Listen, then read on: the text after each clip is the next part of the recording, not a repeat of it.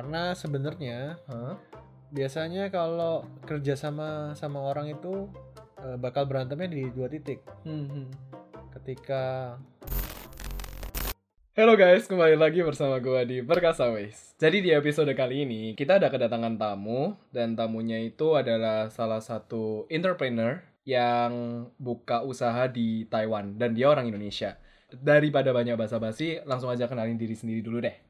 Hai guys, nama aku Jefferson, berasal dari Surabaya, sama ya kayak Satria. Iya, sama Surabaya. Hai Ah. guys, Surabaya. Hai Surabaya. Iya, Terus di Taiwan sekolahnya di Taipei di Mingchuan MCU, MCU apa MCU?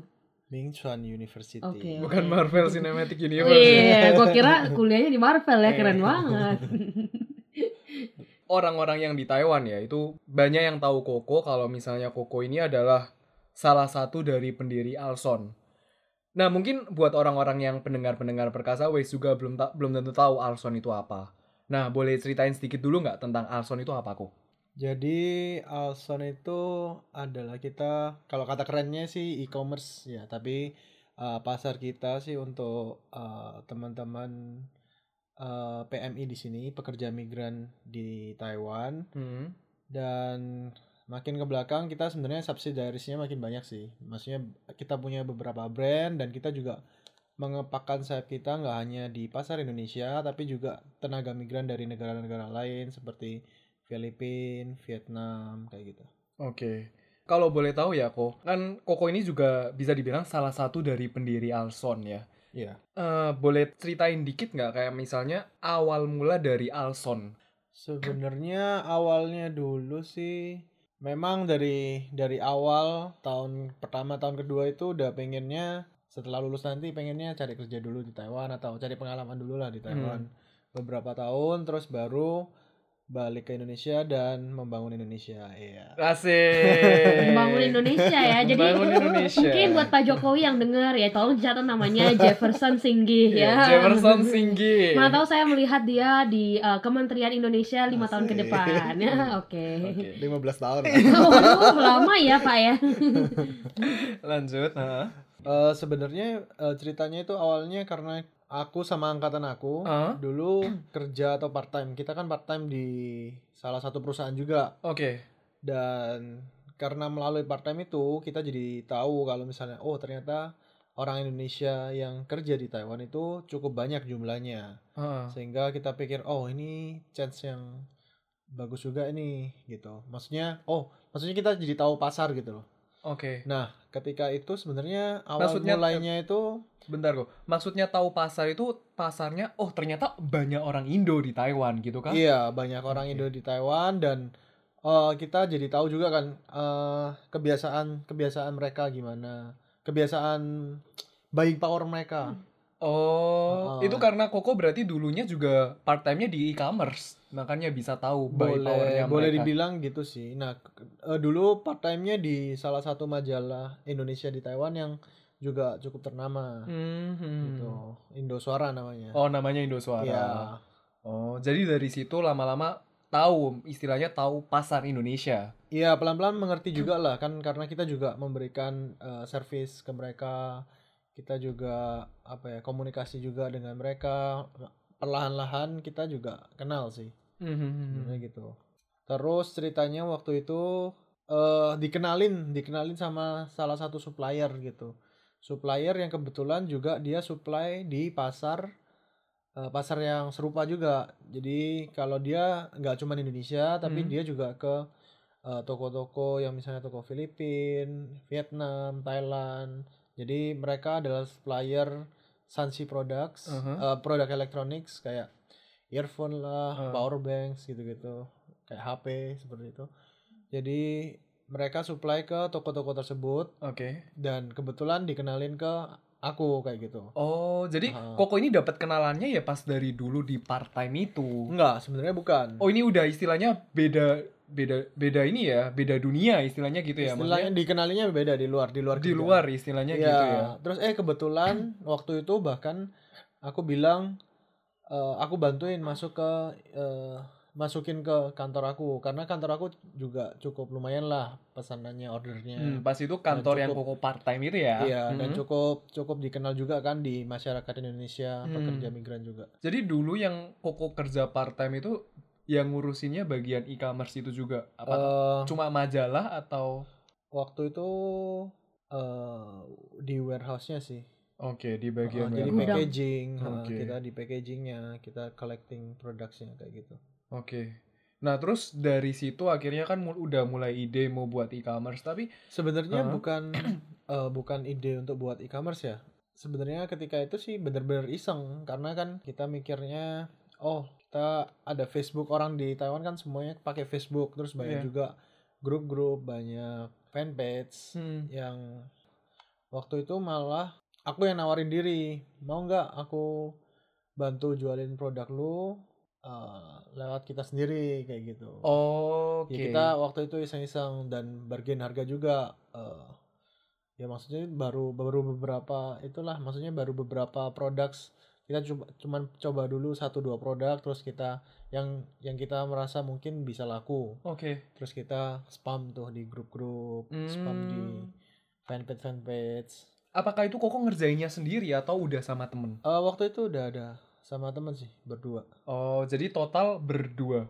Eh, total berdua tapi kalau kita eh, totalnya bertiga Oh, pa- tapi pada paling awal itu istilahnya paling to- awal berdua total paling awal berdua dan pada saat itu mungkin koko belum ada kepikiran buat pikir bikin ini jadi sebuah company ya istilahnya gitu ya sebenarnya cuma Iya. lebih ke arah iseng sebenarnya Kak iseng ya pengen nambah-nambah aja lah ceperan ceperan gitu. iya tapi Ceperan, heeh. ceperan. Iya pasti dong anak mahasiswa ya. Pada Iya. saat itu kalau boleh tahu Koko umur eh umur Koko pas tahun keberapa ya? tahun ketiga sih. Gila tahun ketiga udah ya tahun ketiga udah mulai waktunya buat mikir ginian sih sebenarnya sebenarnya. tahun Hah? ketiga karena waktu itu pas ya tahun ketiga terus udah kerja di company yang itu udah cukup bosen juga udah lama. Satu tahun setengah mungkin ya. Hmm, apalagi tahun, part time ya kalau misalnya Iya, part time sebenarnya buat yali. Yali itu apa? Tension tekanan ya? Pressure, pressure. pressure nggak seberapa tinggi dibanding yang cengzi cengzi itu full time. full time iya iya Dri iya Dri Bahasa Mandarinnya sekarang udah hebat ya bang. amin Ih dibereng sama Jeff. luar biasa enggak gue ah, sedawa Mau minum pak? iya mau minum dulu enggak enggak Oh. Nah, berarti mulainya pas itu tahun ketiga dimulai dari coba kayak ke grup-grup gitu, Iya. kayak jual, maksudnya kita istilahnya- bikin bikin account ya kayak account shop gitulah oh account karena shop. kan dulu juga pernah punya pengalaman di SMA Iya. jualan-jualan ya barang-barang kecil lah barang-barang kalau dulu zamannya Polaroid kalau masih ingat Oh, Koko dulu pernah jualan Polaroid. Jualan Oh juga. berarti emang udah jiwa entrepreneurnya dari Iya, dulu. jiwa entrepreneur udah ada sih memang Jiwa. sebenarnya. Iya. Sudah ada boleh dari dibilang dulu. gitu Hmm. sih Soalnya gua enggak enggak enggak Hmm. bidang gua sih kalau itu. Berarti Koko dulu SMA pernah jual Polaroid gitu ya sebenarnya istilahnya. nggak cuma Polaroid aja banyak banget Dari- Lebih oke. tapi ya dari dulu ya itu motifnya cari ceperan karena ya bukan dari keluarga yang berada juga terus eh, kasihnya uang jajan juga pas-pasan Iya. terus lihat teman sekitar kok oh mereka enak ya kalau pergi-pergi atau kalau ngeluarin duit kok enak kayaknya Kayak air Iya. gitu. Ah, ya. terus eh, mulai terpikirlah gimana cara mendapatkan lebih Oke. gitu. Nah, sebelum aku lanjutin Carlson, sebenarnya aku lebih penasaran ke yang ini dulu ya. Hmm. Koko mulai jualan itu pada saat SMA kah? Atau sebenarnya jiwa Koko mau untuk mendapatkan uang lebih, istilahnya jiwa entrepreneur itu udah ada sejak kecil gitu loh. Kok.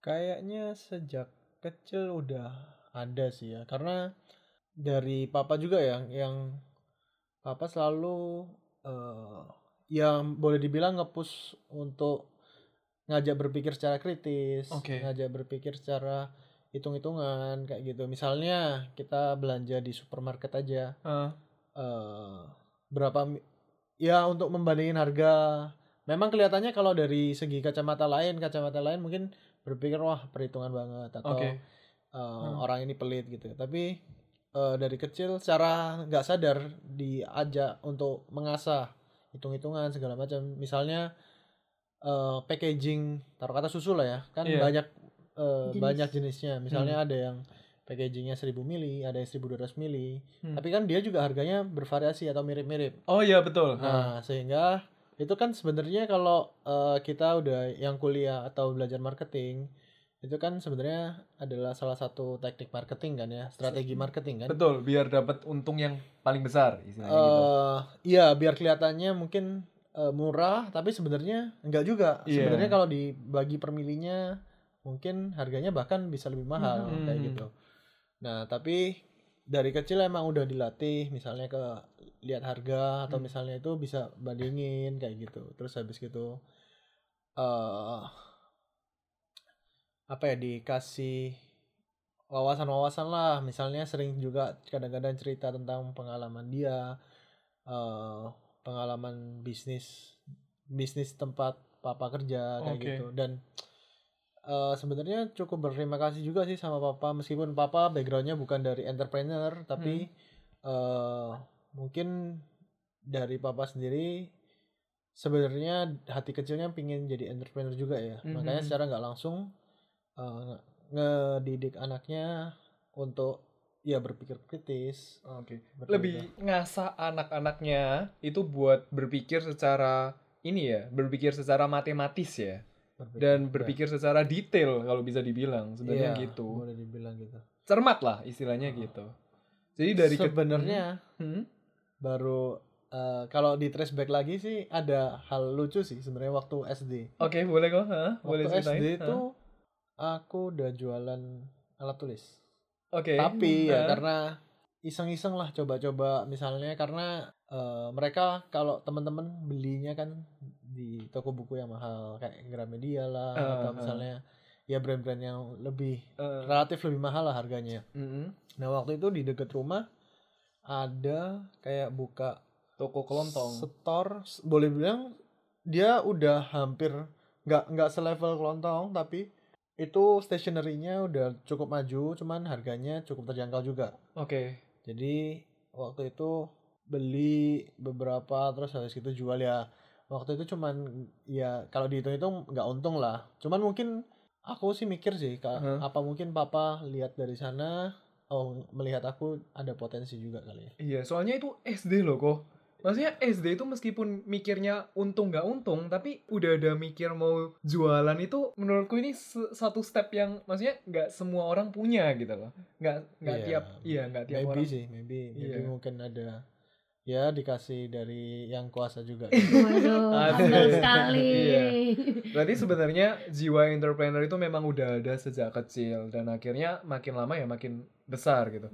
Nah terus kembali sekarang kembali lagi ke Alson ya kok. Pada saat awal yang Koko buat fanpage sendiri atau multi person chat sendiri, itu apakah namanya itu Alson atau namanya itu sebenarnya belum ada nama gitu bahkan? Eh, namanya memang udah Alson dari awal Oh dari paling awal itu namanya Iya. udah Alson. Kenapa? Kenapa? Why? Iya, Why? Apakah boleh- boleh- Alson ini ada sebuah singkatannya? Boleh Gitu. ceritain nggak? Maksudnya asal muasal nama Wah. Alson. udah dengar dengar kabar burung nih kayaknya Waduh, kok gue denger-denger kabar burung? Gue nggak denger apa-apa. Gue cuma penasaran. Why Alson dari sejuta banyak nama? Kenapa harus Alson? Da- iya dari sejuta banyak kombinasi ang ini kombinasi beneran nggak tahu ya. atau Beneran nggak tahu. Eh, pendengar-pendengar nggak tahu sih. Gue juga beneran nggak tahu. Kalau Satria mungkin sebenarnya karena eh, partner yang paling pertama itu namanya Alwin Oh, oke. Aduh kalau ini ceritanya sebenarnya homo banget sih Ah, Ngomong serius? banget. Oh, oh, eh, ini malah boleh. di- Nah, ini enggak, enggak, enggak, enggak, enggak, enggak. Ayo, ayo, ayo. kehidupan ayo, ayo. umum. kehidupan Karena- homo enggak, pada enggak. saat kuliah. Enggak juga ya maksudnya kita benar-benar startnya dari iseng banget jadi ya udahlah terserah lah namanya apa aja lah Oke. terus ya udahlah apa gabungin nama aja ya Nah, digabungin nama ya. Oh, Tadi Alwin. dan Jefferson Alwin dan Oh, Alson Oh. namanya. tapi namanya Alwin. bagus loh. Untung nggak Iya. kepikirannya Aldanson. Wah, A- Atau Alsih ya. Al- oh iya Alsi ya. Alson. Oh berarti emang sebenarnya sesimpel itu ngambil namanya. sesimpel itu sih Sesimpel itu. Nah terus boleh ceritain nggak kok? Misalnya sekarang kan udah jadi istilahnya jadi cituan, jadi sebuah grup gitu loh. Nah boleh ceritain nggak kok dari awal Koko yang istilahnya cari-cari orang, terus akhirnya bisa sampai boom jadi company gitu. Eh, jadi Kan Pasti banyak naik turunnya itu. memang di awal tahun ketiga itu benar-benar ya nyoba-nyoba iseng-iseng Hmm. kita jual juga paling nambah juga jadi tambahan memang ada cuman benar-benar nggak banyak sih Hmm. itu itu eh, kalau boleh tahu kita kita bahkan di awal banget itu nggak naruh duit ya cuman paling satu orang seribu dua ribu kayak gitu. Seribu dua ribu NT ya untuk beli barangnya itu. Hmm. lima ribuan lah lima ribu satu orang. Mhm. totalnya sepuluh ribuan sepuluh ribu gitu. Eh, untuk beli barangnya terus untuk kita jual lagi terus untuk ya untuk muter aja lah. Tapi kan memang benar-benar karena mungkin kenal juga ya sama suppliernya jadi benar-benar dibantu Eh, pas ada order aja baru kita bayar eh pergi ke sana beli baru kita balik lagi Istilahnya ya Baru based kirim, on gitu. order, Iya, baru beli kita barang dari supplier. On- misalnya ada pesanan dua ya paling kita beli tiga atau lima kayak Hmm. gitu kita nggak sampai stok yang dalam jumlah massive kayak gitu Hmm. di awal itu benar-benar ya karena namanya juga student gitu kan Iya. Heeh. jadi Risknya kan nggak mau besar-besar dulu. iya gitu jadi kan asal nyoba-nyoba aja dulu lah Hmm. kayak gitu nah eh, kemudian eh, di tahun keempat itu mulailah muncul mulailah kita mencoba untuk lebih serius ya dan sebenarnya boleh dibilang gimana gimana pun namanya bisnis itu ada unsur lucknya sih sebenarnya Betul. Ya jadi kita nggak boleh pungkirin kalau ada unsur luck ini dan mungkin banyak orang juga merasa eh, bakal merasakan unsur luck ini jauh lebih besar daripada unsur lainnya. Iya betul Ah. betul. Hmm. Pasti pasti eh, teman-teman yang entrepreneur atau mungkin yang di sekitarnya ada entrepreneur juga pasti punya perasaan yang ya serupa lah. Hmm, hmm, hmm. Eh, karena jujur aja kalau di sekolah ya di sekolah kalau pelajaran tentang marketing ma- apa segala macam ya kita cuman ala kadarnya aja ngikutin Iya, teori-teori ya gitu-gitu aja, teori dan kita bener nggak sampai menyerap nyerapin Semua. sampai gimana kayak Hmm. gitu dan benar-benar ya bisnis ini bisa jalan ya karena ada luck karena kalau waktu itu ceritanya sih karena Facebook Ads itu baru-baru pertama kali keluar Hmm. itu boleh dibilang sebagai market advantage-nya kita ya. Oh. Orang-orang belum pakai ads itu, kita udah try duluan. Jadi kita termasuk salah satu yang menggunakan Facebook ads itu di ketika awal-awal. iya, Paling ketika awal. awal-awal. Jadi- sehingga Hmm. Harga per kliksnya Iya, atau itu lebih harga menguntungkan itu sangat sih sangat lebih daripada menguntungkan sekarang. Oke. dibandingkan Hmm. sekarang. Karena kan sekarang yang menggunakan ads, ads sudah Banyak. banyak banget Oke. dan mungkin udah perusahaan-perusahaan besar pun dengan dana yang sangat besar juga pakai ads. pakai ads tersebut sehingga Logaritmnya kalau kacau. dulu mah Hah? boleh dibayangin ya ini Hmm. kan bayangin aja modal kita aja sepuluh ribu gitu Iya. untuk beli barang Hmm. berapa sih yang kita bisa sisihin untuk ads Ya paling 100 cm mungkin ya. ya Nggak, nggak within, sampai- within within seribu sih Iya, within 1000 lah Iya, istilahnya. within 1000 10% lah istilahnya. iya iya nah bayangin dari dari yang kecil gitu ya bisa sampai berkembang berkembang pelan pelan berkembang karena kan putaran kita juga nggak cukup sehingga Hmm. sehingga ya kita ya sambil jalan aja Oke. sampai Hmm. eh, waktu itu ngajak satu partner lagi karena benar kita udah kayak kan ada sekolah juga ada tugas juga Iya. Jadi kita kayak udah kelabakan kayaknya nggak bisa nih kalau cuma dua orang kita ajak satu orang lagi yang mungkin untuk bisa stay di Taiwan setelah lulus nanti Oke. oke ya udah akhirnya kita ajak satu orang lagi jadi totalnya Alson ini kita bertiga Oke. Jadi akhirnya jadi bertiga. yes Nah, kalau boleh tahu kok aku sebenarnya agak bingung ya yang tadi yang Facebook Ads. Berarti istilahnya Koko itu mengeluarkan dana yang istilahnya minimum. Tapi hasilnya itu maksimum kah? Maksudnya hasilnya itu apakah jadi banyak orang yang tahu Alson atau beli atau gimana? Kalau misalnya lihat doang kan belum tentu juga beli gitu loh kok. Kalau waktu itu mungkin belum ada terlalu banyak saingan yang menggunakan platform yang ads. sama. Jadi ya kayak kita hanya satu-satunya pilihannya nggak ada pilihan lain kayak Oh, jadi begitu orang lihat, oh ya langsung istilahnya langsung ini ya. gitu. Iya, langsung jadi, ingat, Jadi istilahnya boleh langsung dibilang ingat gitu. simpelnya ketika orang lihat kita sebenarnya lebih bukan ke brandnya sih karena kalau Hmm. di awal kita butuhnya revenue kan kita Iya, butuhnya betul. pemasukan kita Hmm. butuhnya uh, transaksi Engagementnya. gitu Hmm. transaction jadi kita langsung ke produknya kita posting dengan harganya langsung tawarkan ke orang gimana caranya untuk supaya membeli produk ini. kayak Oke. gitu. Jadi lebih ke situ ya istilahnya gimana caranya supaya dapat revenue. Iya. Pada saat itu seperti itu. Kalau misalnya boleh tahu ya kok kan kapan kan pada saat itu dari berdua jadi bertiga. Kan istilahnya ya yang namanya pendiri kalau misalnya lebih dari satu orang pasti ada perbedaan pendapat gitu. Apakah pada saat itu juga per- perbedaan pendapat itu terjadi atau sebenarnya mulus-mulus aja gitu? Perbedaan pendapat nggak peduli di mana pun sama siapa pun pasti ada ya karena kita datang dari background yang berbeda, kita Hmm. datang dari keluarga yang berbeda. kita ya kita besarnya juga di lingkungan yang berbeda gitu. Jadi sehingga mempunyai masing-masing orang mempunyai konsep sehingga masing orang mempunyai pandangan masing-masing terhadap suatu masalah. Seperti itu kan. Jadi saya rasa sih toleransi sih yang diperluin sih. Kalau Toleransi, ketika ketika ngomong tentang perbedaan kita yang yang perluin adalah toleransi. Dan selain toleransi mungkin komunikasi yang intens ya karena kadang-kadang kita manusia suka berpersepsi Iya betul ada Oh. persepsi ya. Hah? yang mungkin belum tentu orang itu berpikir demikian tapi kita udah ngejudge duluan lah Iya. Hmm. iya kalau boleh dibilang kalau bahasa kunonya don't judge a book by its cover kan Iya betul. jadi mending kita komunikasikan apa yang ganjelan di hati kita langsung aja omongkan kayak gitu dari awal kita bertiga uh, aku udah bilang sih ke mereka ini eh, kalau misalnya di artikel atau misalnya research orang-orang itu bilang 60-70% kalau orang yang kerjasama sejak teman SMA yang kerjasama itu Hmm. bakal Bubar. akhirnya pecah kongsi istilahnya. Hmm. Jadi dari awal itu udah wanti-wanti eh, jangan sampai ya kita nanti eh, kayak yang orang-orang itu bilang Oke. kayak gitu. Jadi terus komunikasi, terus jaga komunikasi, eh ya open aja satu sama lain kayak gitu.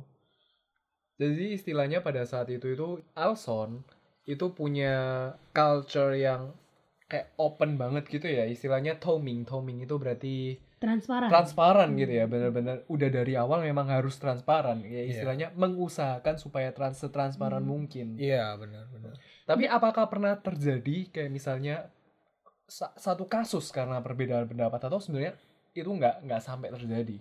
Pasti ya karena kan Hmm. di ketika kita menjalankan sebuah usaha juga banyak cabang Hmm. jalannya gitu loh. Hmm. Kita mau milih yang mana? Ya Hmm. ketika kita memilih eh, pilihan-pilihan tersebut itulah yang mungkin membuat sedikit cek- cekcok di antara Oke. kita bertiga kayak gitu sih. Cuman ya untungnya sih nggak signifikan banget yang sampai berantem atau gimana. Karena sebenarnya Hah? Biasanya kalau kerja sama sama orang itu eh, bakal berantemnya di dua titik. Hmm. Ketika bisnisnya nggak jalan rugi Iya. atau ketika bisnisnya jalan terus untungnya gede banget. Mm-mm. Itu bakal ada conflict of interest. Oke.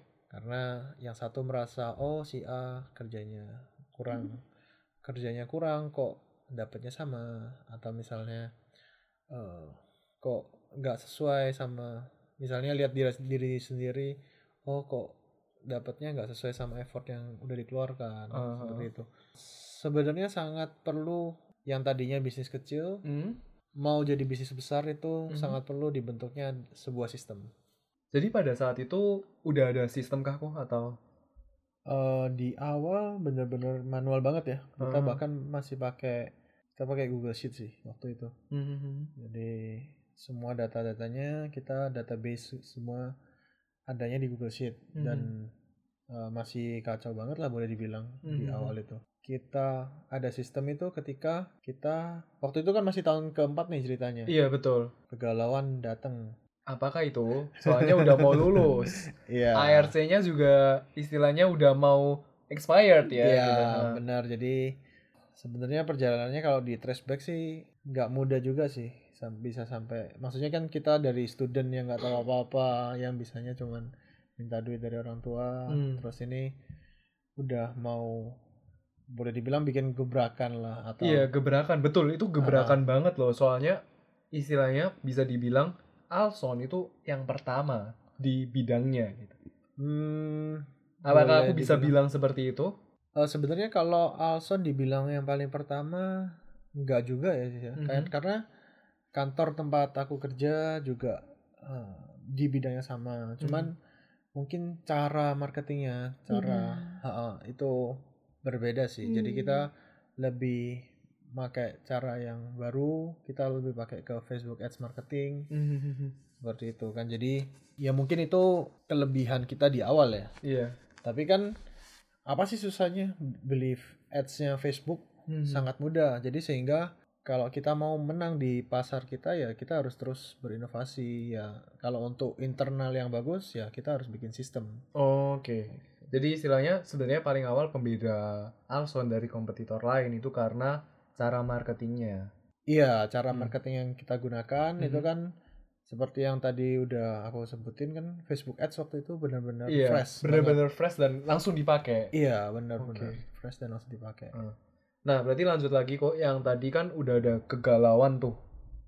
Kegalauan, expire, ARC juga mau expire, yang dari awalnya nggak tahu mau ngapa-ngapain sekarang eh aku udah punya tanggung jawab ini untuk meneruskan Alson istilahnya gitu kan. Sebenarnya eh, waktu sebelum lulus itu di semester terakhir Mhm. itu eh, kita dihadapkan apa pilihan kalau di Taiwan ini kan banyak teman-teman yang student ya terutama Ah, teman-teman yang sengaja untuk delay kelulusannya untuk Memperpanjang umur lah, eh memperpanjang hidup di Taiwan istilahnya. memperpanjang visanya lah Iya, kayak Memperpanjang. gue.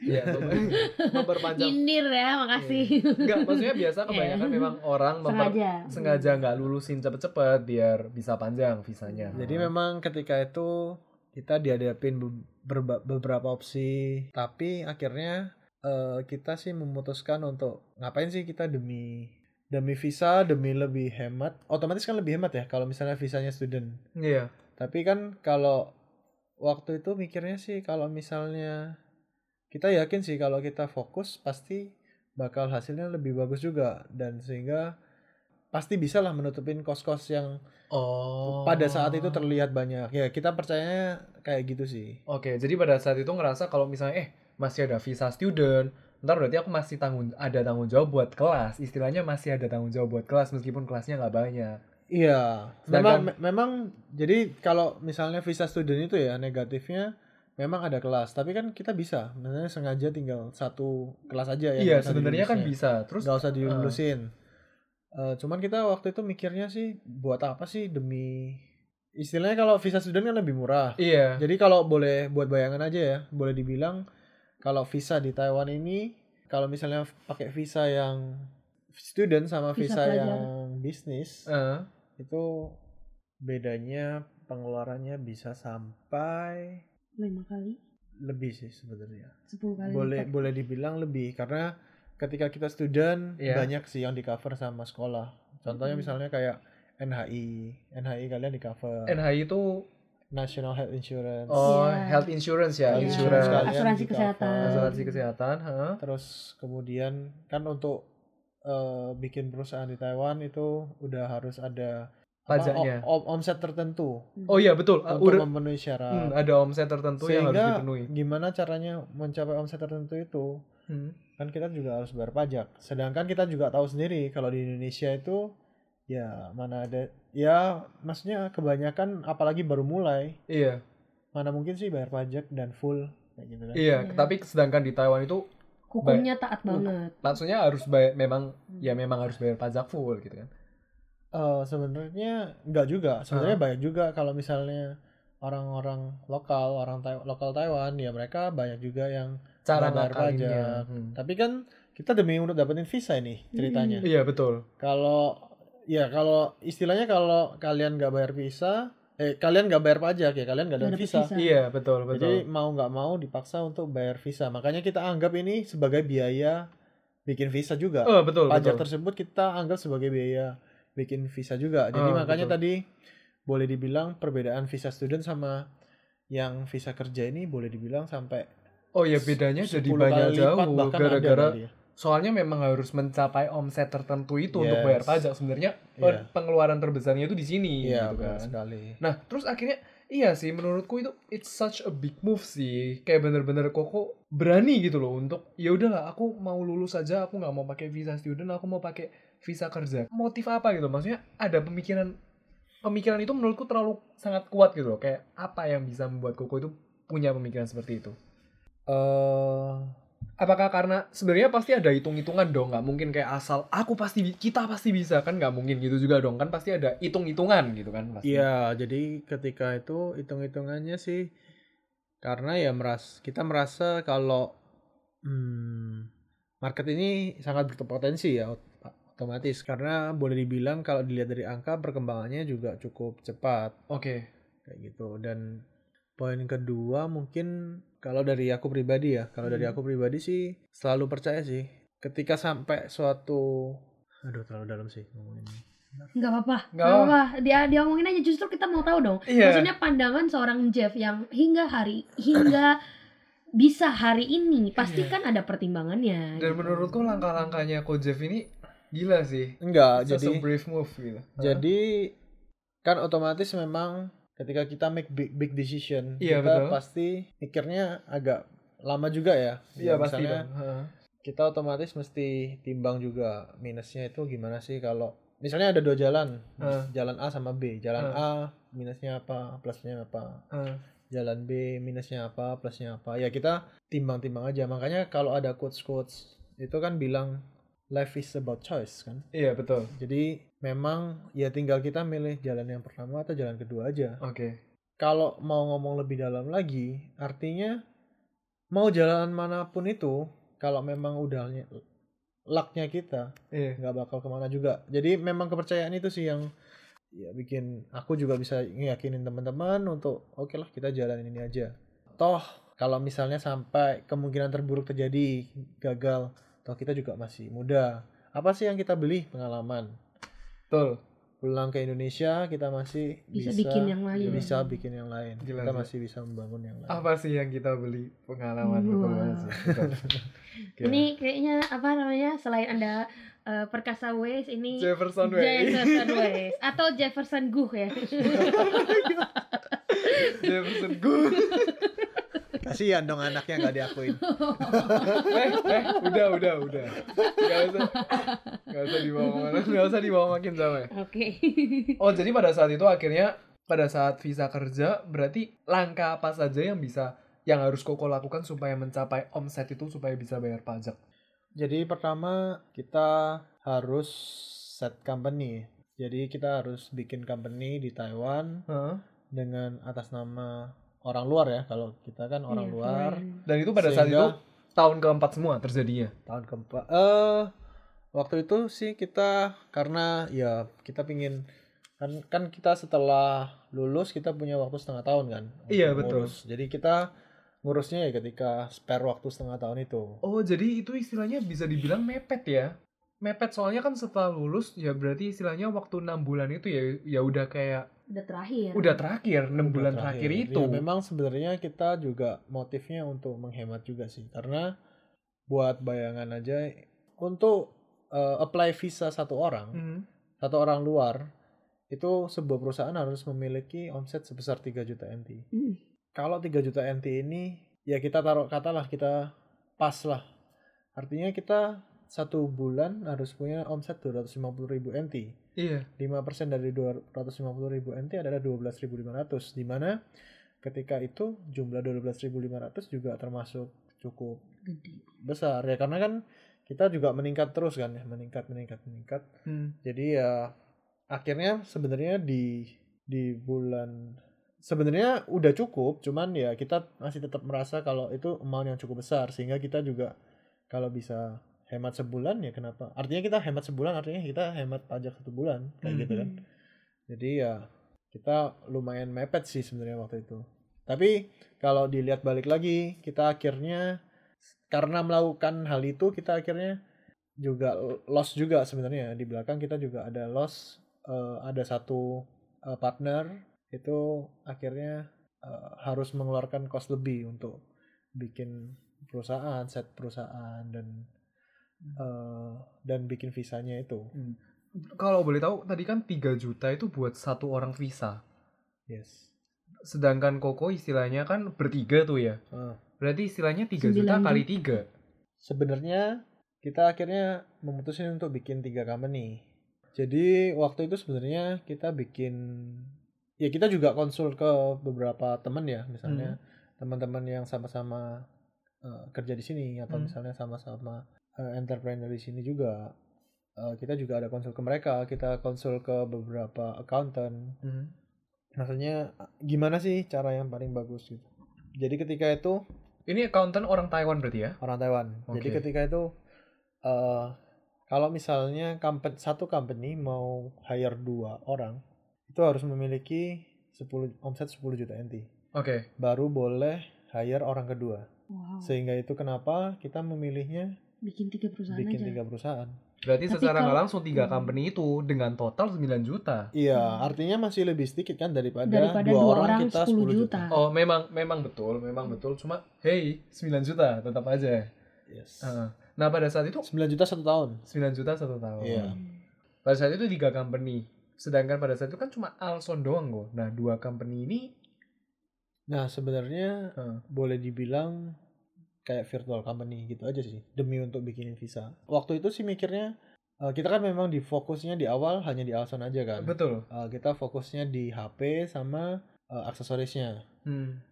Karena harus set tiga company, waktu itu aku mikir untuk bikin subsidiaries memang. Hmm. Satu company untuk bikin fashion Hmm. baju baju baju wanita, aksesoris kayak gitu. Itu dari awal memang udah ada kepikiran. ya ketika kita tahu kepikirannya ya pada saat kita tahu kalau misalnya kita harus set tiga company Oh, jadi itu istilahnya Koko udah mikirannya oh, mulai cabang kira-kira apa yang bisa gitu ya. iya Hmm. benar karena kan kalau misalnya company benernya satu terus dua company-nya kayak ya virtual atau misalnya boleh dibilang demi visa doang Eh, itu dummy kan lah istilahnya. iya company bodong boleh dibilang iya, dummy iya company bodong. iya iya iya terlalu gimana gitu kan Sayang juga gitu ya, mungkin ya. Iya selain sayang bahaya juga Hmm. kasihan yang atas nama dua company temen partner partner yang atas nama dua nama ini kayak Hmm. gitu jadi ya eh, kalau bisa meminimalisir yang melenceng-lenceng ya kita minimalisir Oh iya, betul betul Iya. betul. Oh. kayak gitu sih Nah, kalau boleh tahu ya kok, tadi kan juga ada sebut tentang partner ya. Berarti partnernya orang Taiwan. Ya, pasti kan orang Taiwan ya, soalnya pinjam nama orang Taiwan. Gimana cara Koko Oh, mencari orang sorry. Taiwan? Hah? partnernya nggak harus sebenarnya pakai nama orang luar boleh Oh, nama orang luar itu juga boleh. boleh Oh. Apa berarti harus ada orang Taiwannya kah dalam satu company itu atau sebenarnya nggak usah? juga nggak perlu Oh, nggak perlu. nggak harus juga boleh Oh, aku kira aku kira selama ini kalau misalnya memang mau buat company, Mhm. itu harus istilahnya harus orang Taiwan yang punya gitu, bukan enggak ya? company istilahnya PMA kan boleh juga Oh, cuma istilahnya kalau misalnya PMA pajaknya lebih besar ya. kalau PMA Itu tadi yang untuk targetnya lebih omsetnya harus lebih banyak daripada yang PMI gitu ya. Sebenarnya untuk PMA karena visanya, itu karena visanya. Oh, karena visa. Oke. Sehingga harus lebih banyak. Tapi sebenarnya saya sama aja. Cuma Sebenarnya istilahnya sama. PMA jadi lebih mahal ya memang karena visanya itu tadi. Iya, benar. Oh, kira soalnya selama ini kalau misalnya memang mau buat company di sini itu harus kepemilikan orang Taiwan. Hmm, Tapi terus. ternyata enggak. Rasa ada ada rasa itu enggak kayak rasa campur aduk gitu. Sebenarnya sebenarnya ketika set company ya perasaannya seneng aja sih. Oke. Waktu itu ketika start pun, oke ini memang bisa jadi suatu bisnis, bisa Hmm. jadi suatu tempat untuk ya istilahnya ngumpulin modal, Hmm. ngumpulin pengalaman. But at the end tetap harus balik ke Indonesia karena kenapa? Karena pasarnya di sini cuman 250 ribu orang Indonesia. Hmm. Sedangkan ketika kita di Indonesia, kita punya masa 100 kali lipat. Iya, betul. Hmm. ya? Oh, jadi dari awal memang sudah ada kepikiran itu. Maksudnya Dari awal memang kita set. Kita emang planning untuk 2 sampai 3 tahun aja. hmm. Ini udah jalan ke berapa tahun nih Pak? Di ini jalan ke tahun ketiga udah selesai. Habis ini masuk tahun keempat sih. Hmm. Wow, udah empat tahun company-nya. Oh, Hmm. sorry, ini tahun keempat. Ini udah tahun ketiga resmi. Udah jalan tahun keempat resmi. Tapi kalau yang nggak resminya kan kita mulainya Oh, dari iya. dari dari dari sebenarnya Iya. udah lima, tahun. lima tahun lah. ya. Sudah lima tahun ya. Hmm. Wow, Oh. sudah lima tahun. Tapi istilahnya resmi dari dari menjadi company Iya. empat tahun. Cara Koko melakukan kayak sistem itu gimana? Apakah Koko istilahnya memikirkan itu semua atau ada diskusi atau gimana gitu? Sebenarnya dulu kita mikirnya Iya, ma- namanya masih muda ya. Kita Ah. cari nggak jalan, boleh dibilang cari jalan gampangnya aja lah. Ah, Hmm. Kak, maksudnya Simpel. gampangnya itu gimana? Kita tanya teman kita yang kerja di perusahaan yang sejenis, Iya, kita tanya referensi-referensi lah. Kita tanyanya dari referensi-referensinya teman gitu. Oke. Pakai apa sih sistemnya? kayak gitu. Hmm. Terus ya dari sana kita mulai pelan-pelan oh cari kontaknya gimana. Terus ya akhirnya kita pakai sistem ya kalau ini sistem yang sistem komputer ya. Iya. Ta- tapi dalam artian yang diperlukan dari company kecil berkembang jadi company gede itu kan sebenarnya Hmm. sistem nggak cuma sistem di komputernya aja Iya, betul betul. tapi Sistem- adalah sistem sebuah perusahaan. Iya, betul betul. Sebenarnya waktu itu karena kita modalnya juga masih kecil ya. Ah, Kita waktu sampai setengah tahun pertama itu Mhm. kita paling cuman berenam aja sih. Baru berenam aja dan mhm. kita waktu itu merasa cukup. Nah, tapi ceritanya itu jadi berenam kita itu pada masih- saat udah jadi company ya. udah Udah. udah, Oke. jadi company. Mhm. Waktu itu masih berenam sehingga ya kita masih masih ada belum gitu ada kesadaran sih untuk membangun sistem ya. Mhm. toh juga baru enam orang gitu. Iya baru enam orang. Istilahnya istilahnya ya udah Mhm. tau lah kerjaannya mau gimana. Iya, iya, iya. Di akhir tahun berapa itu ya? Akhir tahun 2016. Mhm. Artinya di awal tahun 2017 itu Hmm. kita kita Hmm. membuat keputusan untuk akhirnya bergabung dengan uh, company Taiwan. Jadi pada saat itu bergabung dengan company Taiwan. Kalau boleh tahu company Taiwan itu apakah juga e-commerce atau Nah, company Taiwan itu sebenarnya nggak lain dan nggak bukan supplier kita sendiri sebenarnya. faktor apa yang membuat kita gabung aja sama atau dia supplier? lihat perkembangan dari Alson sendiri akhirnya dia tertarik nih Iya. Ini masih belum boleh dikeluarin sih. Oh oke oke ya sorry. sorry. Sorry. wow oke Iya. Company Taiwannya turut membantu ya dalam Sebenarnya membantu. karena yang paling utamanya adalah karena suntikan modalnya sih. Oke. Karena kan toh kita juga dulu kita eh kalau ngomong tentang modal ya Hmm. di awal banget di tahun ketiga itu waktu pertama kali tiga orang gabung Hmm. kita start hanya dengan per orang sepuluh ribu Hmm. nanti.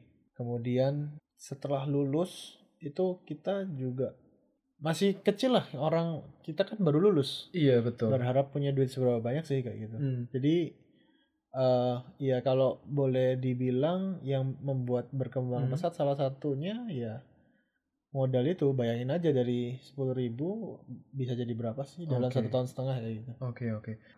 Kenapa modal yang besar ini bisa jadi sebuah apa ya istilahnya Fresh sebuah start. Iya sebuah awal yang baru awal yang baru bisa dibilang awal yang baru kayak bisa semakin melejit.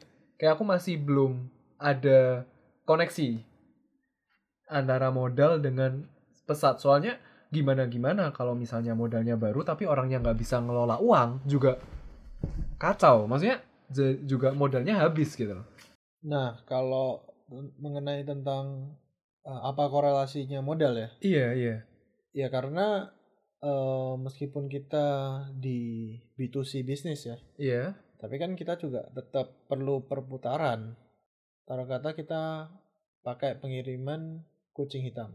Iya, kucing hitam. Oke. Hmm. ya kan jadi Iya, takyubin bahasa Inggrisnya apa takyubin oh Oh, takyubin. Ah. Oke, ya kucing hitam deh. Kucing Jadi hitam kita istilahnya. kan pakai pengirimannya di awal memang kita pakai pos Iya. post office Hmm. nah ketika pakai post office itu perputaran kita boleh dibilang lebih cepat karena dia uang yang dari customer itu masuk langsung ke rekening dua hari berikutnya udah langsung masuk Oke.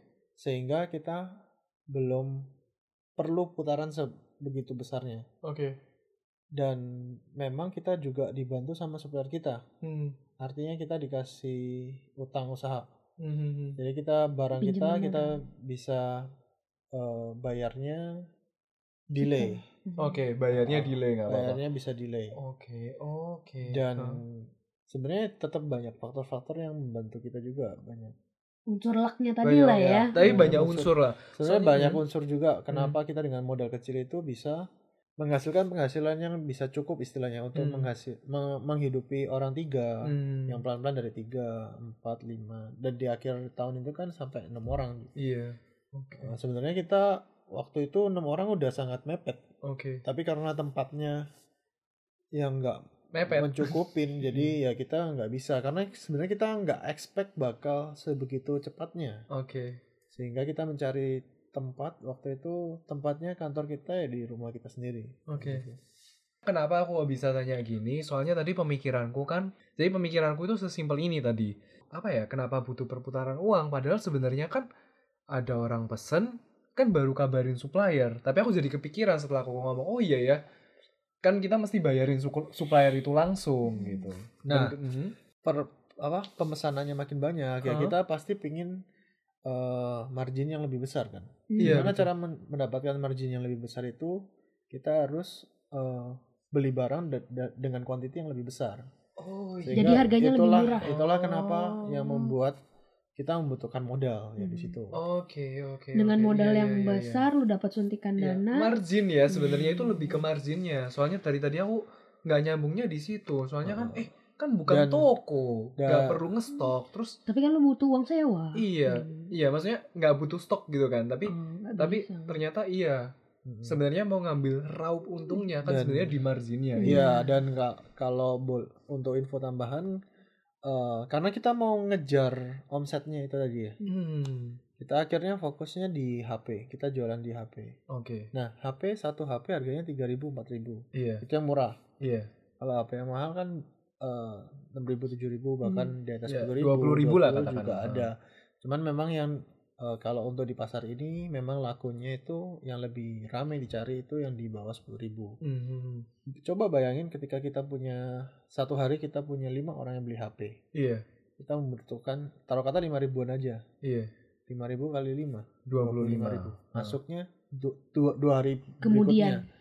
Artinya kita punya waktu tiga hari. Kita harus punya tiga kali 25 ribu untuk memutar ini. Oke, oke. Artinya 75 ribu. Iya, betul, ya, memang 75. kelihatannya sekarang nggak gede ya, ke 75 ribu. Tapi ketika di saat itu kan ya cukup struggle juga yang membuat berat. kita bleed- bleeding gitu. Oke, iya iya betul juga ya. Wow, iya aku belum kepikiran. Iya aku jadi ngerti sih ini kayak belajar menjadi entrepreneur Hmm. bersama Jefferson. Iya. Wede. Temanya itu ya. Iya.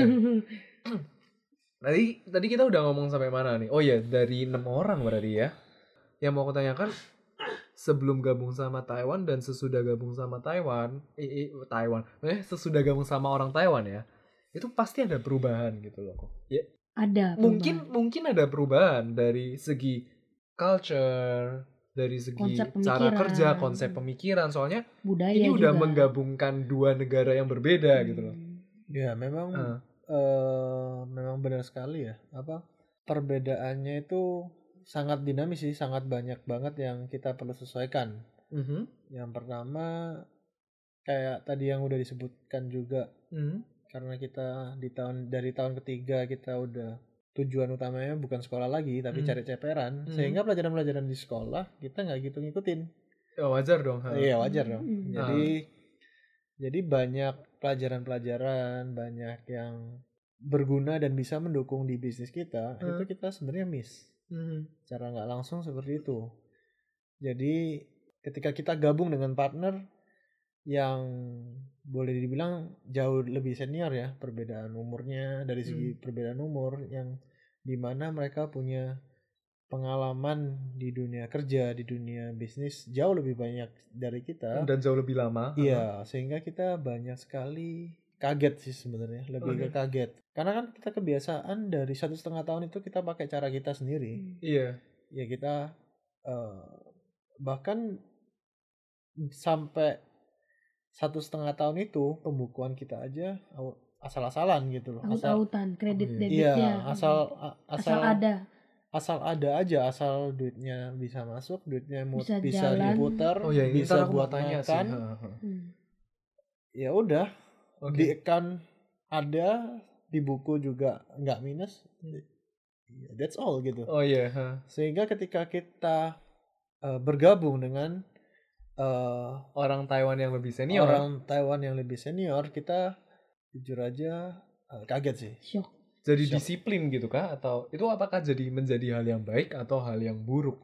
Otomatis kita ya Belajar yang banyak dari ya kita juga. punya apa kita dapat pengalamannya sih yang banyak sih sebenarnya. Mhm.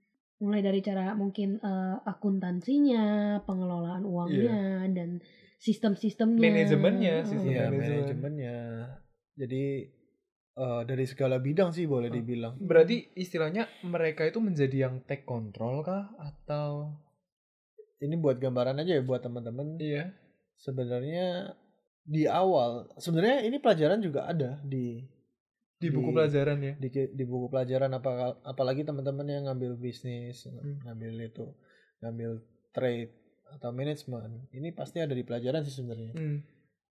dan apalagi makin ke sini makin banyak startup company segala macam Hmm. Iya. ya saya yakin teman-teman pendengar semuanya juga tak eh, banyak lah yang mungkin lebih tahu atau misalnya lebih banyak pengetahuannya di bidang bisnis dibandingkan saya pada waktu itu Oke, oke. sehingga eh, di mana mungkin boleh dibilang kita juga terlalu percaya apa kata dia dan kita juga karena terlalu fokus kali ya di bisnis kita gimana meningkatkan sales sales sales Lebih sales. Transaksi, pada transaksi, itu transaksi. gimana caranya ningkatin revenue, revenue, Iya. revenue. Duit, duit, duit. Heeh, gitu. sehingga nggak melakukan jarang melakukan research jar, jala- jarang eh, R&D. kurang kurang kurang belajar lagi lah ya Hmm. boleh dibilang kayak gitu sih Oke. Kan- Jadi istilahnya lebih fokus ke tujuan utama, tujuan itu terus tanpa Iya. melakukan Ah. hal-hal yang lain. Iya, boleh dibilang kalau eh, mungkin banyak orang-orang sepuh juga bilang ya, ketika kita belum ketemu masalah, kita belum bisa berkembang gitu loh. Iya, betul, Eh, betul. jadi ketika kita bertemu masalah, kita bisa mencairkan masalah itu, kita baru bisa berkembang kan. Hmm. Ya boleh dibilang sampai satu setengah tahun itu kita belum ketemu masalah yang besar banget, Hmm. sehingga yang membuat kurang belajar lah, kurang kurang kurang belajar ya Ya gini-gini Hmm, aja ya gini. gitu maksudnya. Jadinya. Ya istilahnya Kalau kita trace back ya, maksudnya Hmm. kalau trace back dari sekarang ya, ya fokusnya hanya ke Cari dagang duitnya. boleh dibilang. fokusnya hanya ke dagang aja. Transaksi duit. Kalau Hmm. dibilang kasarnya mungkin ya dulu itu dagang bukan budak duit bisnis, ya. Oh, iya. bukan bisnis kayak gitu. Iya. Sehingga eh, istilah bisnis sama dagang ini sebenarnya kan dua hal yang mirip tapi Hmm. sebenarnya Beda. sangat berbeda. Iya, Hmm. betul, betul. Boleh gue yang nanya nggak? Boleh, boleh. Nih. Jadi kalau tanya. misalnya menurut Jeff nih, eh, apakah setelah bekerja sama ada sebagian dari hati lu sebenarnya nyesel nih kerja sama atau enggak sebenarnya eh, tahu dari dulu kerja sama aja gitu? Eh, ngomong tentang hal ini sebenarnya cukup sensitif juga sih ya. Hmm. Tapi yang boleh Iya yang boleh di, i- yang di share boleh aja. share untuk sekarang ini kita motif kita kenapa kita accept akhirnya kita memilih untuk kerjasama Hmm. itu mungkin mirip sih mirip sama tadi yang pernah aku sampaikan juga Hah? oke taruh kata kemungkinan terburuk aku selalu ambil kemungkinan terburuk gitu Ah, Worst oke. possibility. Worst, oke. kemungkinan terburuk kalau sampai ya, boleh dibilang dibohongin lah atau Hmm. segala macam ya toh kita juga masih punya umur gitu Masih Kita muda. masih muda jadi kita, kita kita masih punya waktu untuk membangun lagi gitu loh Hmm. tapi eh tapi apa yang kita dapatkan sebenarnya juga pelajaran-pelajaran itu juga nggak ternilai Hmm, itu nggak di nggak bisa dinilai Dinilai oleh dengan uang. uang. Iya, iya, betul, iya betul, betul. jadi kalau mau dibilang nyesel atau enggak sebenarnya itu udah jadi pilihan kita ya kita mau nyesel Hmm. juga nggak bisa balik lagi kan ke Hmm. belakang Iya, dan kalau Ya, misalnya kita- mau nyesel pun sebenarnya kalau misalnya nyesel, tapi kita nggak dapet ini gitu loh, Hmm. nggak dapet pelajaran ini gitu. iya Maksudnya benar sekali ada jadi kembali ada positif negatif itu yang sudah sebenarnya sudah kuku timbang tadi itu ya. Iya, jadi eh di beberapa di beberapa momen mungkin pasti ada ya rasa nyesel itu ya karena Hmm. eh kalau dari segi income otomatis Hmm. boleh dibilang lebih kecil Hmm. dibandingin kalau seandainya kita punya sendiri. berkembang sendiri Iya. kayak gitu. Nah, tapi di sisi lain yang kita nggak bisa dapetin mungkin eh, sekarang company ini nggak bisa Berkembang seperti berkembang besar. sampai kayak sekarang Hmm. kalau boleh ngeklaim sekarang eh Alson atau company kita ini boleh dibilang udah e-commerce nomor satu di pasar ini Iya iya. kalau Hmm. sekarang ya. Tapi mungkin banget kalau sih. kita balik lagi eh kita kekeh kita jalan sendiri, memang mungkin dari segi materi kita bakal dapat lebih banyak. Iya. Tapi company-nya mungkin nggak bakal se- gitu-gitu aja. Iya, Hmm. mungkin bakal berkembangnya Iya. ya kok lebih lama lah otomatis. Karena Dan- tujuannya yang awalnya yang jadi dagang bukan Hmm, jadi bisnis. bisnis. Ya, mungkin ada faktor di sana Hmm. juga dan eh faktor lain ya dari permodalannya. Iya betul betul Ah. betul. Kita punya modalnya sangat terbatas kayak gitu. Kan tadi kamu ngomong Alson ini bisa dibilang bisa diklaim sebagai salah satu eh, e-commerce Indonesia terbesar di Taiwan. Kalau Nah, ini gue setuju sih. Boleh sebutin nggak kok Alson Group itu ada apa aja? Jadi company kita itu kita punya beberapa brands. Hmm. Eh, yang pertama Alson, Hmm. toko online Alson kita nyebutnya. Toko. Online Online also. Alson. Oh, Jadi oke, kita tadi aku salah dengar. kita sebenarnya punya beberapa lah. ya. Kita dibagi beber- eh, tiga negara, Indonesia, Filipina sama eh, Vietnam. Vietnam. Ini online Alson ini masih dibagi jadi tiga. Jadi Alson sendiri punya eh, platform toko online Alson ini untuk berbahasa Indonesia. Heeh. Satu fanpage lagi namanya Alson Mall itu berbahasa Inggris. Oke. Eh, kemudian yang Vi- yang Vietnam. Vietnam. ini memang berbeda sendiri sih. Oke. Hmm. Heeh, Maksudnya berbeda itu bahasanya. bahasanya berbeda. Oke. Bisa baca nggak pak? Eh, belum bisa kebetulan. Oh, oke. Berarti nggak disebut namanya ya. Iya. Berbeda sendiri kan, Oh, iya, berbeda iya. sendiri. Oke, oke, oke. Eh, eh, eh. Atau namanya beda banget nih. Atau namanya dibalik jadi Sebenarnya nama Inggrisnya ada VN Mart. Oh, VN Mart. VN Mart. Oh, nah, namanya VN Mart. Nah, kalau Alson ini tadi kan fokusnya di Sansi. lebih ke handphone. enjoyment kita Hmm. sebutnya sih ke Enjoyment. enjoyment, handphone, elektronik. Hmm. Hmm. Terus kita punya peralatan eh, rumah, kitchen. Hmm, kitchen. kitchenware. Jadi Kitchenware. hmm, lebih ke barang-barang punya- elektronik ya. Hmm. Iya, kita punya apa lagi? Baju. Travel kits. Oh, Travel kit, kita Hmm. punya luggage kita jual. Ah. Baju. Terus baju di brand kedua. Oh, Oke. di Brand, bawah. di brand kedua kita punya namanya butik Taiwan. Iya, ini gue Eh, tahu. Ini untuk yang Indonesia Hmm. dan kita punya online butik kita untuk yang Inggris. Inggris. Kalau yang VN Mart. yang Vietnam itu masih sama sih VN Mart juga. Jadi Hmm. mereka masih dalam satu karena Hmm. masih baru Baru develop banget, juga. ya. Oke, heeh. Dan terus yang ketiga kita punya eh, platform untuk makanan. Hmm. Jadi kita istilahnya toko benar-benar kayak istilahnya Snack kayak toko products. tapi eh, kita online kan kayak gitu. Jual makanan. Ini makanan Jual makanan snacks. makanan snack saja ya. Iya, ada juga kita bakal terus kembangin sampai makanan freezer sih. Oh wow. Hmm. Frozen food kita Frozen bakal terus kembangin sih yang untuk yang in one ini. Ntar Iya, frozen food ini- juga produknya eh, apa ini? Ntar frozen food sendiri namanya. Hmm. Eh, kit- masih kita masih belum produksi sendiri Oke, sih oke. karena Masih ngambil sih sama orang. Oke, Iya. Pasti. Iya. eh, karena produksi ribet. Lumayan Oh, mahal. cukup cukup berbeda lagi di Iya, kayak dunia yang dunia, Iya, dunia lain, lain, dunia dunia lain, lain lagi. Iya, itu Dunia dunia produksi udah manufaktur. dunia Di lain. dunia lain. Iya. nah, kita ini lebih tiga. pegang ke sales and marketingnya sih. Oke, ini tiga nih. Terus apa lagi nih? Inwan itu dari Indonesia Taiwan. ya? Iya Oke. benar. Oke. Jadi masih ada beberapa brand lain kayak yang ada yang jual kardus kardus pengiriman ke Indonesia. Hmm. Yang Nihao Indonesia itu? Ada juga iya Nihao Indonesia itu kita bikin uh, media berbahasa Indonesia di dunia e-commerce kita jual barang ke teman-teman Indonesia di Taiwan ini kan juga udah cukup lama sehingga uh, bos kita punya pemikiran untuk ya give back sedikit sih sebenarnya. Oke, oke. Jadi Nah, kita karena kita merasa banyak teman-teman Indonesia di Taiwan ini mempunyai kesenjangan informasi. hmm, Karena apa ya? Karena keterbatasan bahasa tersebut. Iya, Hmm. betul.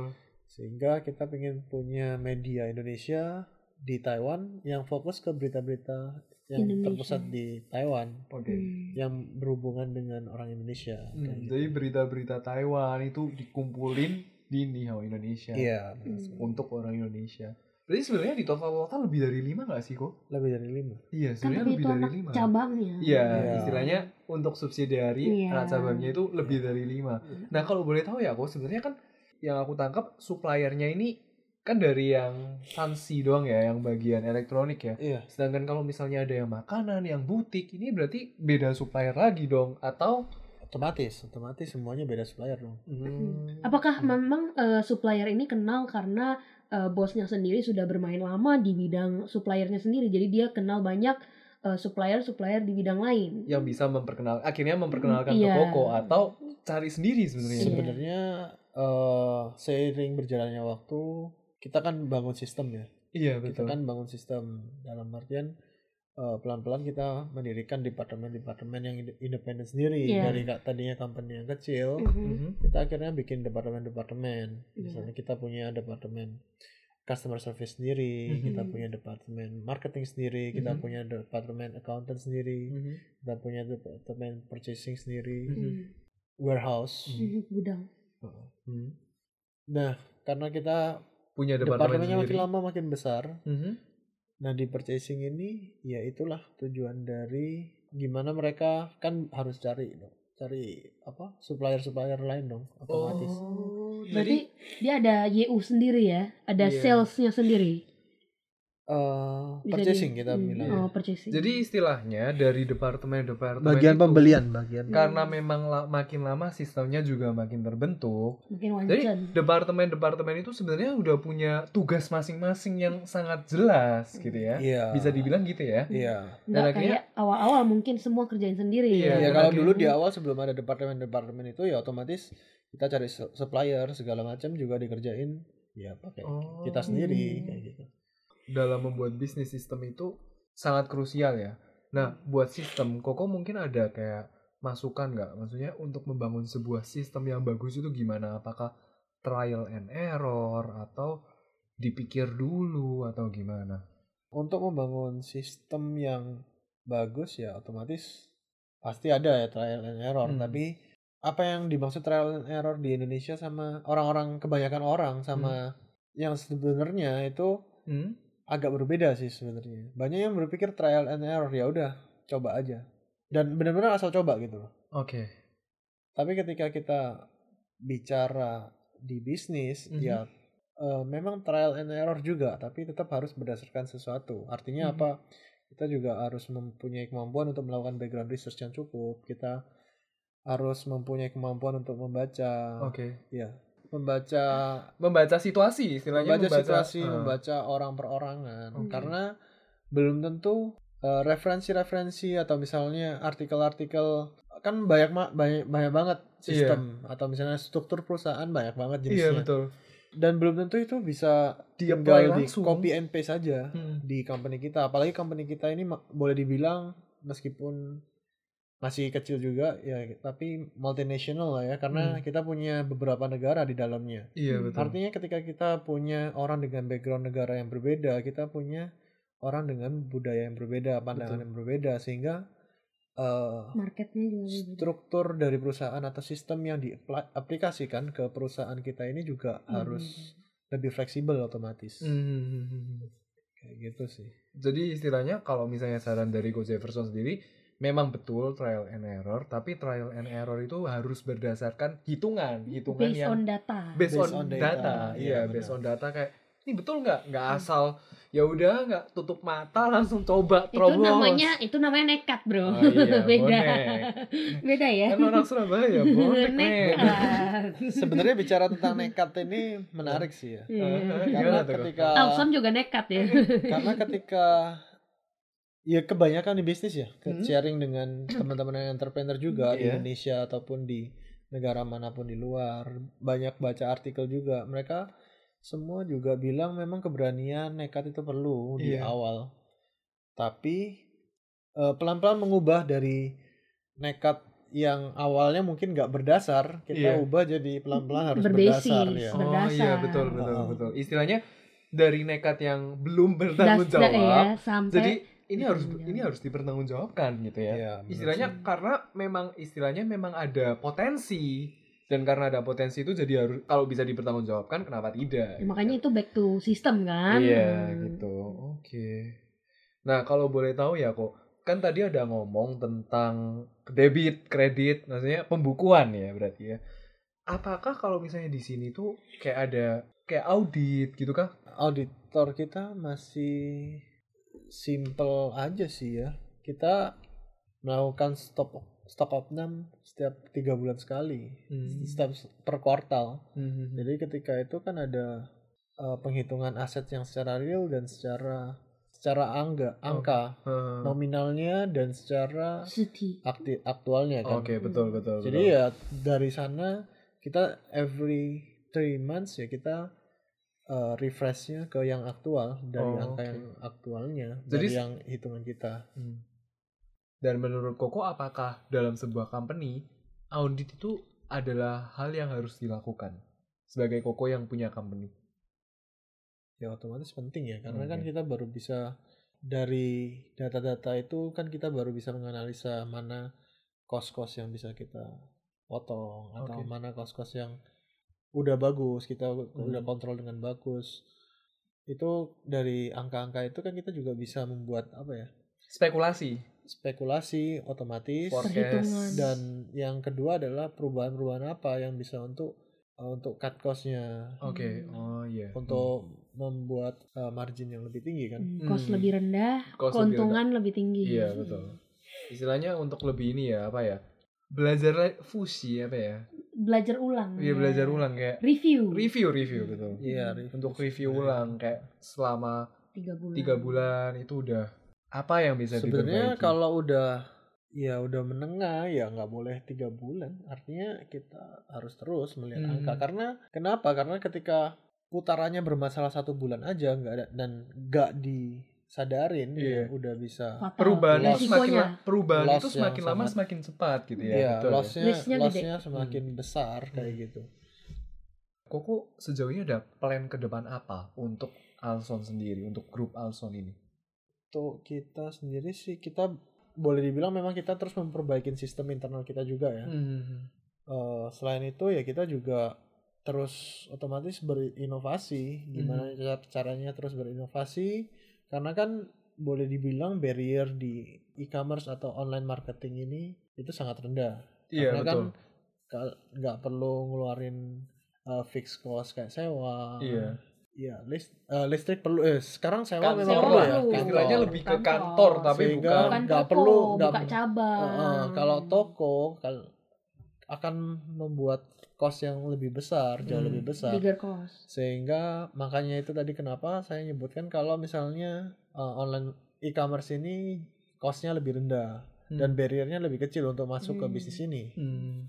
Makanya saingannya kan otomatis makin lama semakin Makin banyak nambah. kan. Iya, makin banyak yang mau masuk juga Eh, kan se- barriernya kecil. Yes, sehingga ya gimana caranya kita untuk terus berinovasi. Eh, tipsnya sih kalau yang pertama mungkin eh, nggak boleh ketergantungan ya. Ah, ketergantungan ini apa yang Koko maksud dengan ketergantungan? Apakah Dalam- ketergantungan dengan bos atau Dalam artian kita nggak boleh menjual barang kita atau misalnya melakukan sales kita melalui satu channel aja. Kita harus memperbanyak channel-channel kita. Hmm. Dalam artian apa? Awalnya dari kita yang cuman melalui Facebook marketing, Hmm. kita pelan-pelan uh, buat line melalui sosial media lain, Hmm. Instagram, WhatsApp, sehingga ketika taruh kata Facebooknya korup atau misalnya Facebooknya down. Facebooknya down, uh, Kita masih punya kita platform masih punya lain. platform Oh. lain yang mendukung. Masih tetap Mendukung. jalan nih bisnisnya. Hmm. karena memang ini udah beneran udah pernah terjadi kayak gitu. Hmm.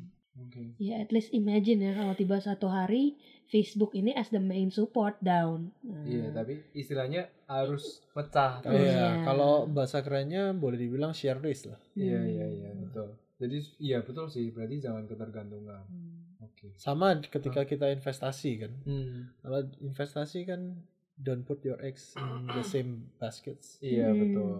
Jadi uh, kita harus share risk lah istilahnya Hmm. dan mesti banyak membaca, berinovasi sih. Nah, Karena hmm. karena kenapa banyak membaca? Karena dengan banyak membaca, dengan banyak melihat kita uh, bakal punya ide Pandangan baru ya. Iya. Nah, kalau boleh tahu ya kok, tadi kan Koko di awal ada sebutin kalau misalnya Taiwan itu sebenarnya marketnya cuma segitu-segitu aja gitu ya. Maksudnya kalau misalnya inovasi, apakah itu bakal menambah market atau ah, maksudnya apa yang diharapkan dari inovasi ini?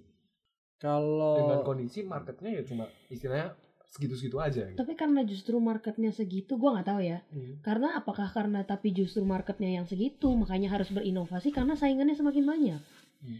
Kan eh, sekarang pembeli diberikan berbagai macam pilihan.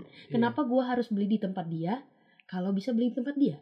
Iya. Iya, Iya. apakah mungkin Iya. karena alasannya seperti ini iya, ataukah jadi ada memang alasannya kalau kita ya otomatis kalau bisnis nggak berinovasi ya kita tar- cari brand besar ya, contohnya kayak Nokia. Hah? Dia menganggap mungkin Apple Iya, itu betul. bodoh membuat eh, apa namanya i, i, iTouch ya Iya, Hmm. maksudnya touchscreen apa pada saat itu. Iya, pokoknya Apple kan pada saat itu smartphone Bikin istilahnya touchscreen, smartphone iya. touchscreen yang pertama. Iya. Iya, 3GS ya kalau Iya. kan. Itu nggak mau berinovasi, nggak mau berubah ke Hmm. zaman yang baru ya Hmm. sehingga akhirnya left sekarang out ya Hmm, dia keluar dari persaingan. persaingan Hmm. kayak gitu. Dia nggak mampu bersaing lagi. Hmm. Jadi ya sama ketika kita di bisnis ini Hmm. ya kalau kita nggak berinovasi ya kita bakal left out juga Iya, lama-lama ya. Jadi memang yang namanya bisnis juga mau nggak mau juga harus berinovasi. iya. Tapi apakah inovasinya jenis-jenis inovasinya apakah mulai dari dengan oh strategi marketing yang berbeda ataukah penambahan produk yang lebih variety? Karena kan maksudku eh, kayak inovasi ini dalam berbagai macam hal. Da- tapi menurut eh, Jefferson sendiri inovasi dalam hal apakah yang sangat berpengaruh? Sebenarnya inovasi yang sangat berpengaruh itu lebih dari marketingnya ya. Jadi misalnya kita membuat promosi-promosi yang menarik dengan gambar atau desain yang menarik pembeli untuk tertarik atau ya gimana caranya untuk membuat mereka yang awalnya Oh cuma lihat doang. awalnya cuma lihat doang tapi akhirnya jadi Mau beli. mau beli. Oke. Seperti Berarti itu. lebih ke marketing ya sebenarnya. Iya, marketing sih. Istilahnya inovasi itu pasti banyak. Iya. Inovasi itu pasti banyak. memang. Cuma kalau misalnya menurut Coach Jefferson dari dan menurut pengalaman itu inovasi di bidang marketing itu yang paling penting. Yes, benar.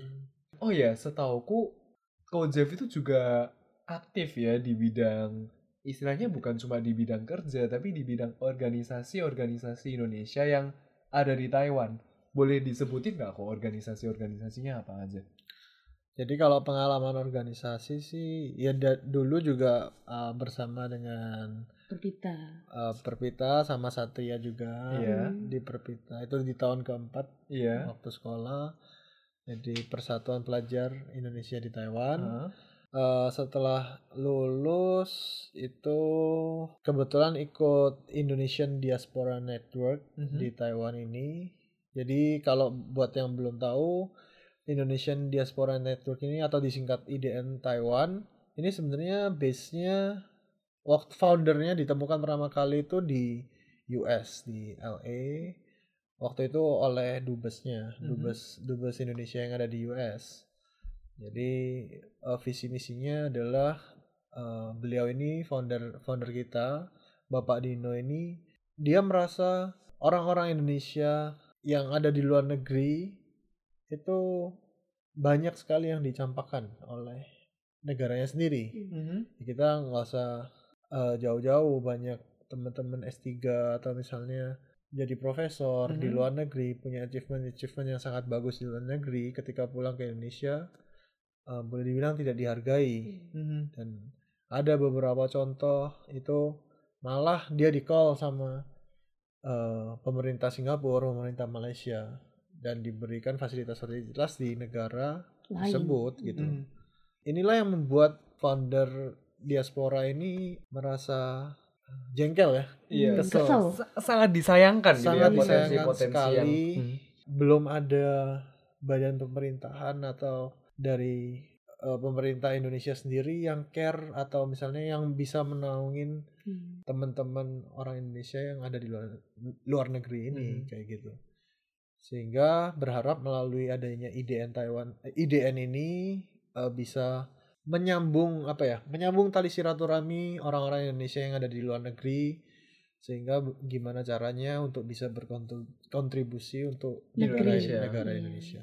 Jadi istilahnya bagaimana caranya meskipun kita di luar negeri tapi IDN Taiwan ini IDN ini bisa kayak tetap memberikan cara supaya bisa berkontribusi untuk bagi Indonesia. bagi Indonesia Hmm. meskipun di luar negeri. gitu ya. Iya, benar sekali. Nah, itu kan itu kan dari visi misinya ya, memang kelihatannya eh besar sekali ya, Hmm. terlalu Luas. bes- terlalu luas ya. Tapi Mhm. kalau motif join organisasi ini untuk memulai dari diri sendiri dulu ya, Eh, melakukan hal kecil yang bisa membantu baik di acara-acara yang misalnya eh, berhubungan dengan budaya Indonesia. Hmm. Kita mengenalkan budaya pariwisata Indonesia ke orang-orang di sekitar Mhm.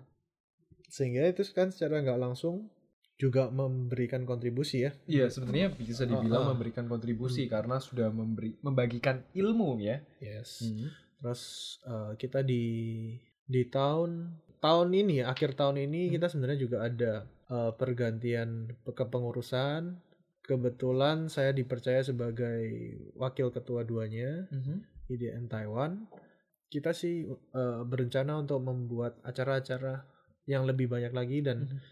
eh, bisa merangkul lebih banyak orang-orang Indonesia di Taiwan Di ini sih Taiwan. sebenarnya. Oke. Jadi sebenarnya IDN Taiwan ini lebih ke organisasi tapi bukan komunitas kah? Bukan dia non profit organization. Kalau menurut saya sendiri sih eh, bukan non profit ya, bisa dibilang NGO lah. Oh NGO. Oke. Uh, Non government non, organization. Iya, non-government non-government. organization. Jadi ini lebih ke organisasi ya. Iya. Yang bakal membuat acara-acara. Iya. Hmm. Acara-acaranya antara lain sih kita Shout out to batik jumputan kemarin. Iya, itu kan yang budaya. Iya. Tapi kita juga ada teman-teman dari profesional. Jadi Hmm. mungkin kita juga pengen bikin seminar. Talk show. Ya, Hmm. eh, boleh dibilang sih kayak gitu. Hmm. Terus mungkin kita juga pengen nantinya pengen bikin juga yang tentang bisnis, orang-orang yang tertarik dengan Nah bisnis. ini yang mau gue tanyain. Iya, Iya, bisa. nggak apa-apa ini Ya, ntar, off ntar ya. record, Iya. ya. Kemudian orang-orang yang tertarik dengan pendidikan. Oke. Hmm. Untuk ya kita kalau sebisa mungkin merangkul lebih banyak kalangan dari masyarakat lah. Oke. Kita juga pingin satu lagi itu kita pingin eh, kan banyak student juga di Hmm. Taiwan, student Indonesia eh, dan banyak juga pekerja migran kan. Ya, Kita Hmm. pingin gimana caranya teman-teman eh, student ini bisa membantu lah memberi pengetahuan biar Oh, bisa oke. lebih melek teknologi misalnya Hmm. kepada PMI PMI yang kerja di Taiwan. Hmm, Jadi gitu. istilahnya sebagai jembatan ya Iya. antara eh, PMI dengan student. gitu. Iya benar sekali. Nah tadi belum lanjut nih apa belum selesai nih ngomong tentang rencana Kojif ke depan. Selain pulang Indo ya, nikah gitu. Iya, soalnya Koko Kojif kan ada rencana kepingin gimana gimana kepingin kepingin tetap balik Indo. Nah rencana Kojif ke depannya apa? Nggak mesti sampai 10 tahun ke depan sih tapi ya. 10 tahun. Iya nggak depan. sampai yang kayak gitu cuma Punya anak, punya keluarga lu. ya, who knows, tapi nggak sampai yang gitu lah. Cuma ya istilahnya apa yang saat ini kepikiran gitu untuk rencana ke depannya.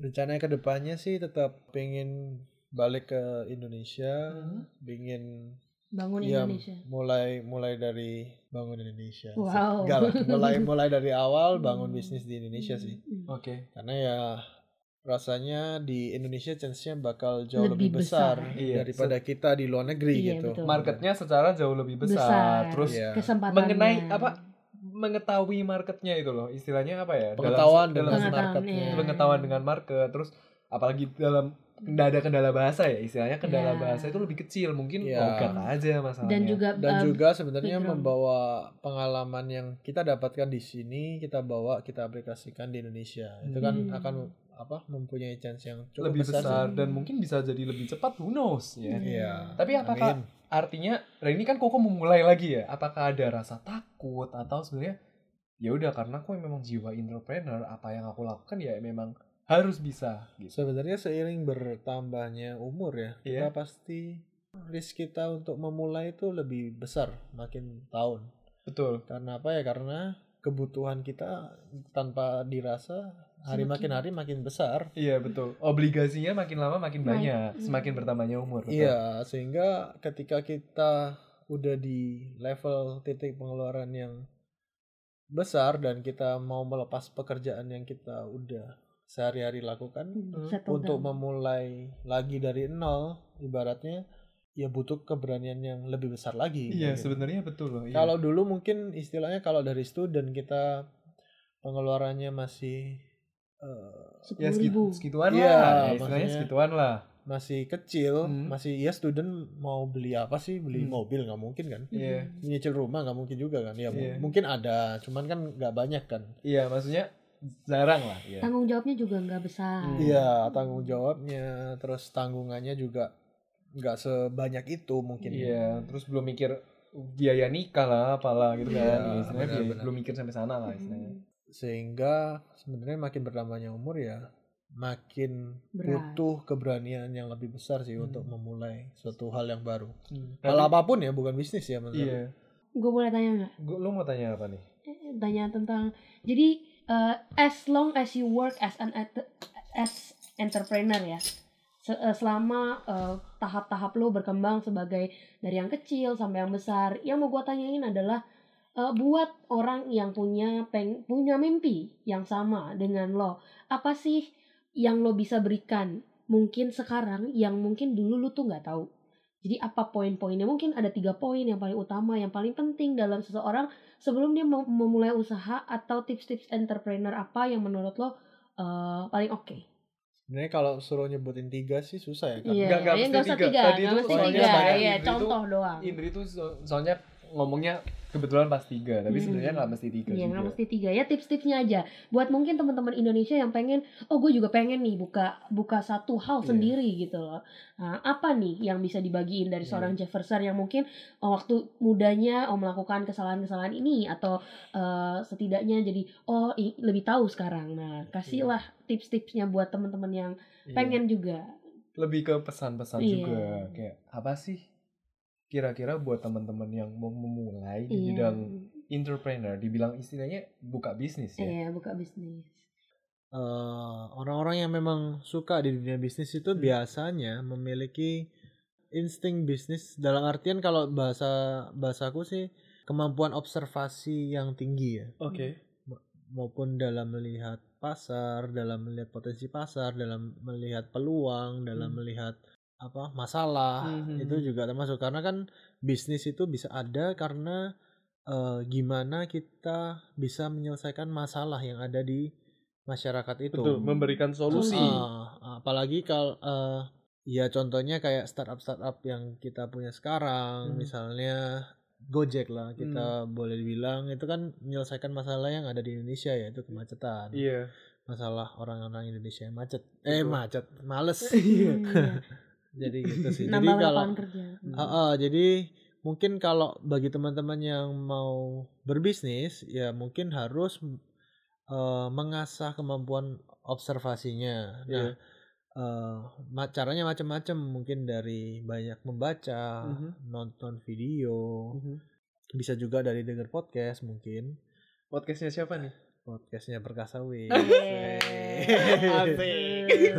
enggak enggak lanjut lanjut oke ya makasih ya kok ya nah, eh yang kedua itu just do it sih menurut aku. Mhm. Jadi ada channel di mana atau misalnya di bidang apa yang kebetulan eh, kalian memang suka untuk melakukan dan kalian merasa ada chance Mhm. sekecil apa pun itu eh, coba langsung mulai aja dulu. Mulai Mhm. aja dulu kali gitu.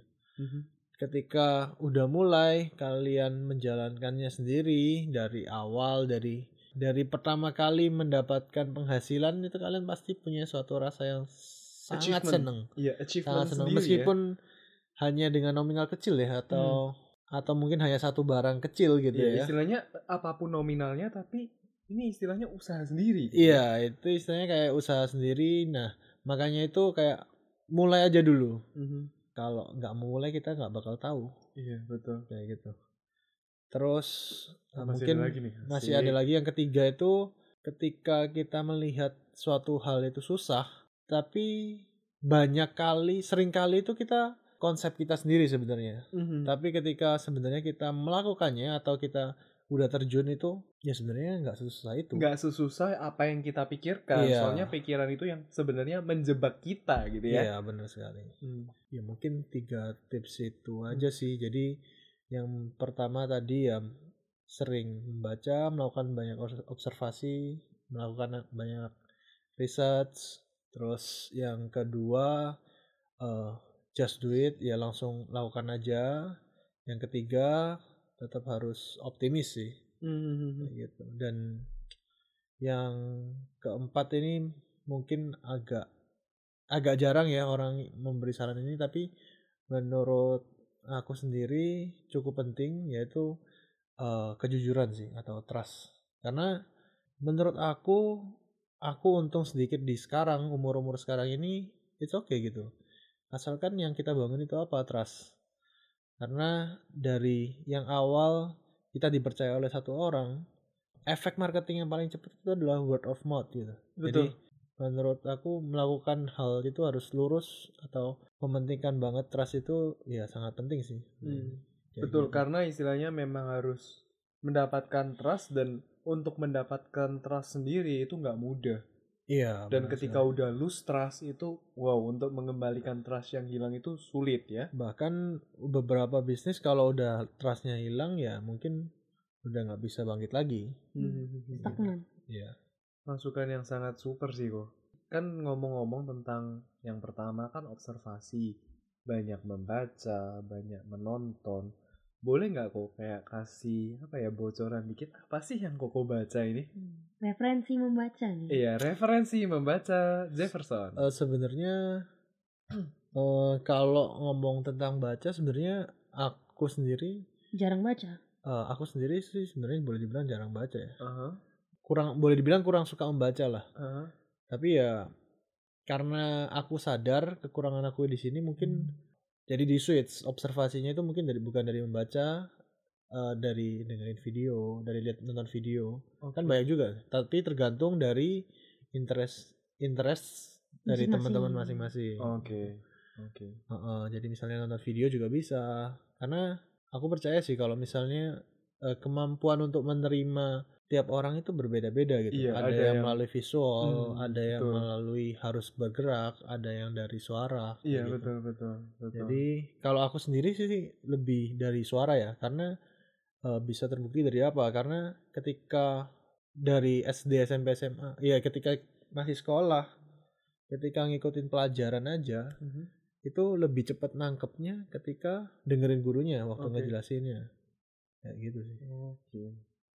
Nah Indri kira-kira ada pertanyaan apa lagi nih sebelum menutup podcast kali ini? nggak ada kita serahkan kembali ke Satria terima Oke. kasih Satria Gila sih. Sebenarnya aku sama Indri selama podcast ini belajar banyak tentang istilahnya pemikiran seorang pebisnis ya. Nah, terima kasih banget ya Ko Jeff buat waktunya. Dan buat teman-teman yang kalau misalnya masih memang memang masih ada pertanyaan mengenai dunia bisnis atau ingin buka bisnis atau apa, bisa boleh langsung DM ke Instagramnya Koko ya. boleh Iya, nama Instagramnya itu Jefferson Singgih. Jadi, itu aja buat episode kali ini. Aku Satria Perkasa, aku Indri dan saya Jefferson and you are in Perkasa Ways.